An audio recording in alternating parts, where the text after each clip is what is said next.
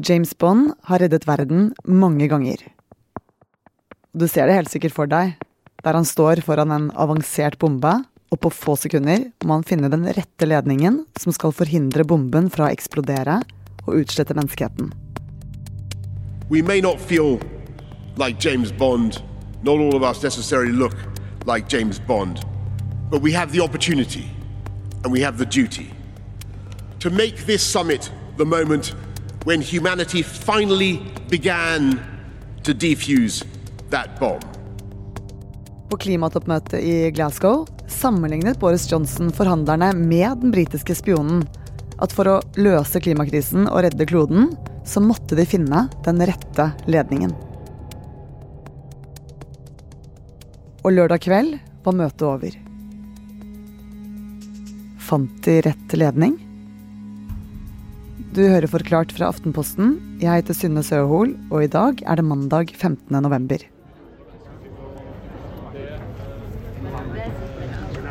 Altså, lyden er kanskje det mest stressende, mest slitsomme på et klimatoppmøte. I, I, Glasgow så var det innom i løpet av de to ukene minst 25 000 mennesker.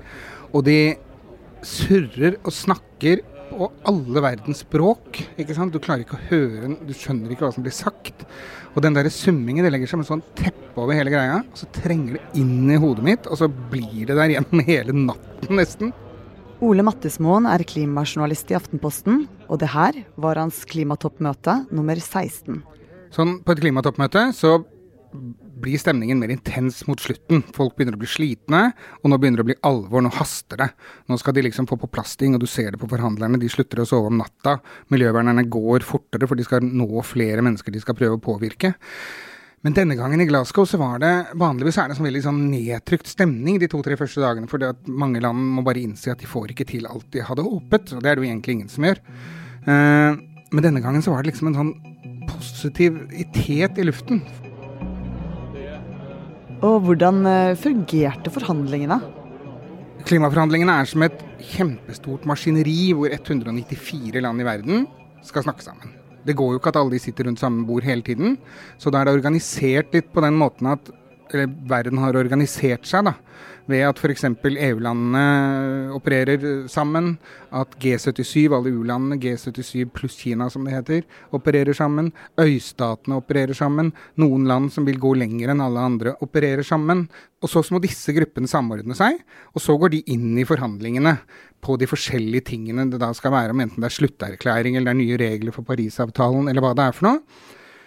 Og så driver de og finsliper formuleringer mot hverandre, lager masse parenteser, prøver å få en avtaletekst hvor det kanskje halvparten av alle setningene står i én eller to eller fem parenteser. Og så skal man prøve å fjerne én og én parentes, og så skal man Å nei, det vil ikke øystatene være med på. Nei, nei, ok, hva kan vi gjøre da? Ikke sant? Og Kina sier nei til det, ja vel.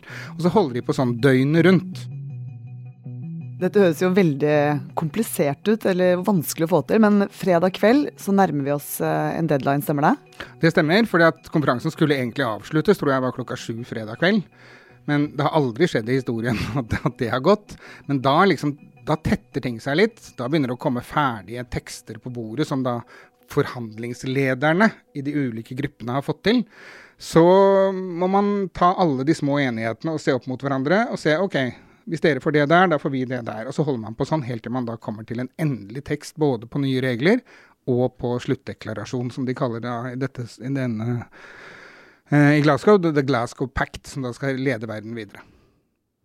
Og så virket det som at dette kom til å eh, lande, men så skjer det noe lørdag kveld. Ja, først skjer det jo da noe lørdag morgen hvor da formannskapet legger frem den tredje utkastet til slutterklæring og nye regler. Og da, da liksom var folk helt Wow, er dette mulig? For, det, for der var fortsatt så sto det da at brensler, eh, subsidier til fossile brensler skal ut, og kull skal fases ut. Wow, dette har aldri stått i et FN-dokument før. Eh, så da var optimismen ganske stor. Men så går jo da dagen. Uh, utallige møter, utallige utsettelser av at man skal samles i, i, plenum.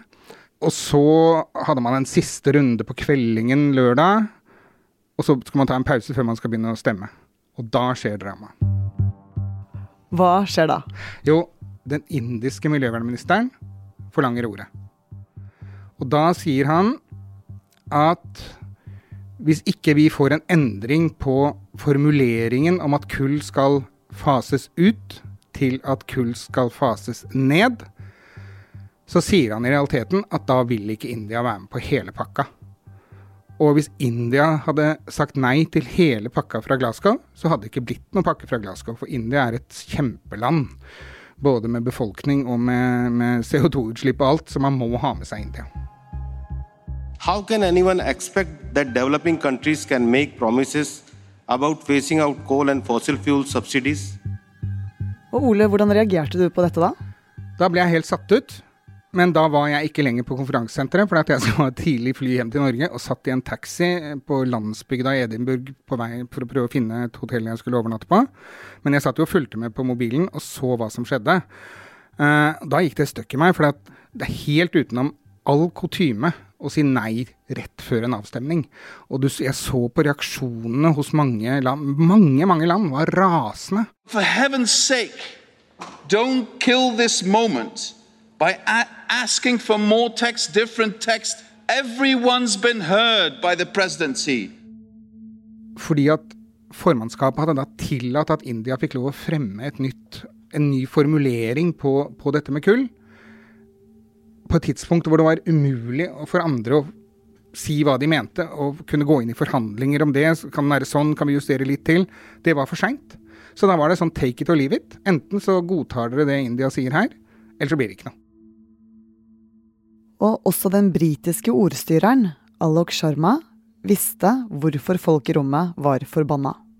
I apologize for the way this process has unfolded.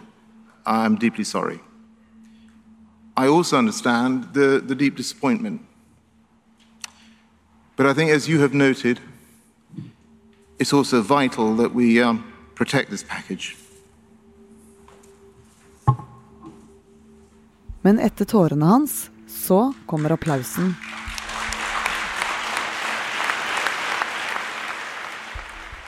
For alle i salen vet at for å få til en avtale i det hele tatt, så er de nødt til å godta endringen fra India.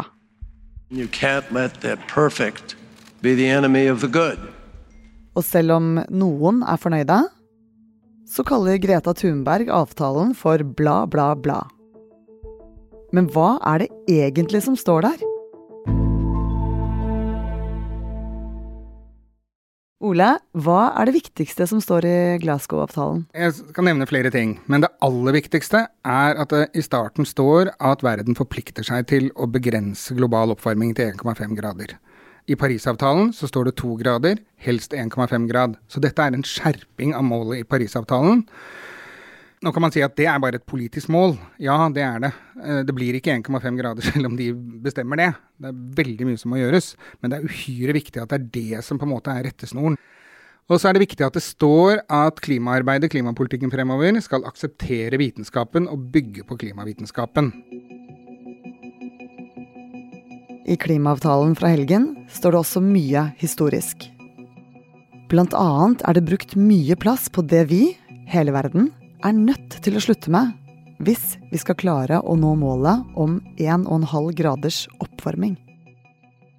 Det ene har vi allerede vært innom, nemlig kull. For første gang så står altså ordet kull nevnt som et problem i en klimatekst i FN-systemet. Det har vært umulig å få til frem til nå. Eh, etter Indias intervensjon så står det nå at bruken av kullkraft skal fases ned. Den skal med andre ord etter hvert reduseres. Det står ingenting om når det skal skje, hvor fort det skal skje, hvem som skal gjøre det, men det står der som et sånn fremtidig mål. Og noe annet ville for øvrig vært helt absurd, ettersom det er kull som er hovedgrunnen til klimaendringene.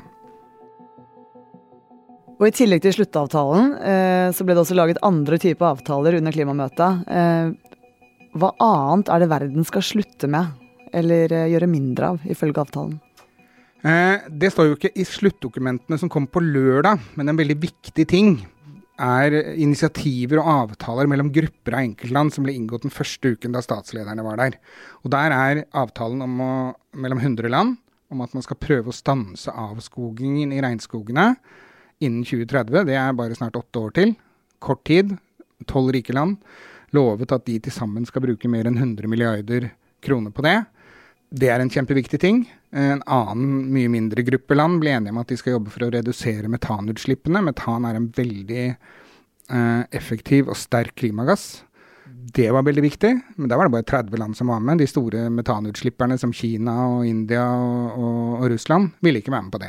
Men det er sånn det er blitt i, i, i, dette systemet etter hvert, og det er egentlig bra. Det er at man ikke venter på at alle skal være med på absolutt alt. Man lager sånne initiativer mellom grupper av land som vil gå lenger enn resten. Og det er kjempefint, selv om det da ikke på noen måte er juridisk forpliktende. Så det er bare politisk forpliktende ut fra hva de landene selv har sagt. I tillegg har det blitt endringer i regler for klimakvotehandel, og én viktig ting til, som handler om hvem som skal betale. For det koster som regel penger å kutte utslipp. Og derfor har det blitt lovet penger til de fattige landene i tidligere klimaavtaler, som den fra København i 2009. Da lovte rike land å gi 100 milliarder dollar i året frem til 2020. Det har de ikke fått til ennå. Men nå er det vedtatt at de skal få mer fram mot 2025. Men så har du i tillegg til det, det som var den store krangelen i Glasgow, det er noe som heter, på FN-språket kalles tap og skade. Det betyr i realiteten det er de fattigste u-landene som rammes hardest av klimaendringer i dag. Tørke hvert tiende år i Kenya før. Nå tørke annethvert hvert tredje år. Klimaforskerne er ikke i tvil om hva som er årsaken. Eh, hvem skal betale kostnaden av det? Det er industrilandene som har det historiske ansvaret for at vi har, at vi har klimaendringer nå, global oppvarming. Vi har holdt på å slippe ut massive mengder CO2 i 150-200 år. U-landene, som nå slipper ut mer enn oss, har holdt på i 20 år med store utslipp. De krever at vi er med på å betale kostnaden av våre gamle utslipp. Og det er det debatten går på hele tiden. Det kom ikke så mye penger på bordet, men det kom løfter om at dette skal vi snakke om til neste år og året etter. Og uten den overføringen så får vi ikke til dette her. For vi er helt nødt til å få ned utslippene, utslippsveksten i u-landene. Ellers kan vi gjøre hva vi gidder i Norge, Europa og USA, og så har det nesten ikke noe effekt. Så nå har landene bl.a. blitt enige om at global oppvarming skal stanse på 1,5 grader, og kull skal fases ned. Og I tillegg har mange land blitt enige om å kutte metangassutslipp, gi mer penger til fattige land og redde regnskogen. Og reaksjonene er delte. Greta Thunberg oppsummerte avtalen med bla, bla, bla på Twitter, og ulike miljøorganisasjoner kaller den en skuffelse. Yeah, it's, yeah very, very disappointed. Should have been much bolder, much clearer, much more what the kids were calling for. Mens Bellonas Fredrik Hauge sier til NRK at han er glad for at det i det hele tatt ble en avtale. Jeg er veldig glad i dag for at dette kom på plass. Det er to spennende uker, og jeg jubler litt nå. Altså. Selv om det kunne vært bedre, så jubler jeg. Er dette en avtale som gjør at vi kan senke skuldrene? Eller? Nei. Vi må heve skuldrene. Vi må begynne å gjøre noe. Ikke sant? For dette er bare tekst, dette er bare politiske vedtak og vilje, til en viss grad. De ekspertene som virkelig kan dette, og som regner på utslipp og effekter av løfter osv., de sa før Glasgow at verden styrte mot 2,7-2,8 graders oppvarming dette århundret, som vil innebære en, nærmest en global katastrofe. Så regnet de underveis etter hvert som landene la inn fornyede løfter om hva som skal gjøres hjemme, sånn og sånn. Ok, Hvis alt det gjennomføres til punkt og prikke, så mente de på et tidspunkt at ok, da er vi kommet ned til 2,4-2,5 grader. Og så, hvis du la inn disse initiativene mellom enkeltland, som f.eks. Eh, skogavtalen om å stoppe avskogingen osv., hvis du legger inn det òg, så er vi nede på 2,2-2,1. Hvis alt gjennomføres, så vi har fortsatt en voldsom jobb å gjøre for å komme ned på 1,5 grader. Fortsatt øker utslippene av klimagasser i verden hver eneste dag. Det kan bare ikke fortsette. Men uten, men uten denne politiske prosessen, som man kan si er ineffektiv og ikke går langt nok, så hadde vi stått uten noe redskap. Så jeg tenker at den prosessen er kjempeviktig, selv om den ikke gir resultater som vi kan juble for. Ja, så denne avtalen eh, redder ikke verden? Eh, nei. Det er ikke nok til å redde verden og til å stoppe klimaendringene på et ikke-farlig nivå. Men den er en veldig viktig steg på veien. Og allerede neste år så skal hele verden møtes til COP27 i Egypt, hvor man skal gå videre og lage nye forpliktelser. Og sånn er det hvert år. Så prøver man å stramme til, få med seg flest mulig, eller egentlig alle sammen. Det tar tid. Men eh, klimaendringer de, til, de, har vi allerede. Og de kommer til å bli verre enn det vi har nå, uansett hva vi gjør for noe. Men, men vi er på riktig spor. Eh, jeg, det er derfor jeg ofte tenker på er jeg pessimist eller optimist. Jeg er sånn midt imellom.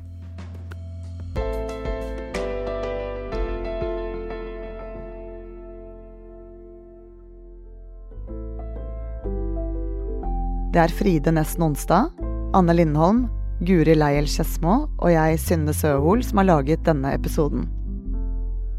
Resten av Forklart er Marte Spurkland, David Vekoni og Thea Wollryster. Du har hørt lyd fra AP og Kjetil Bragli Alstadheims opptak fra møtet.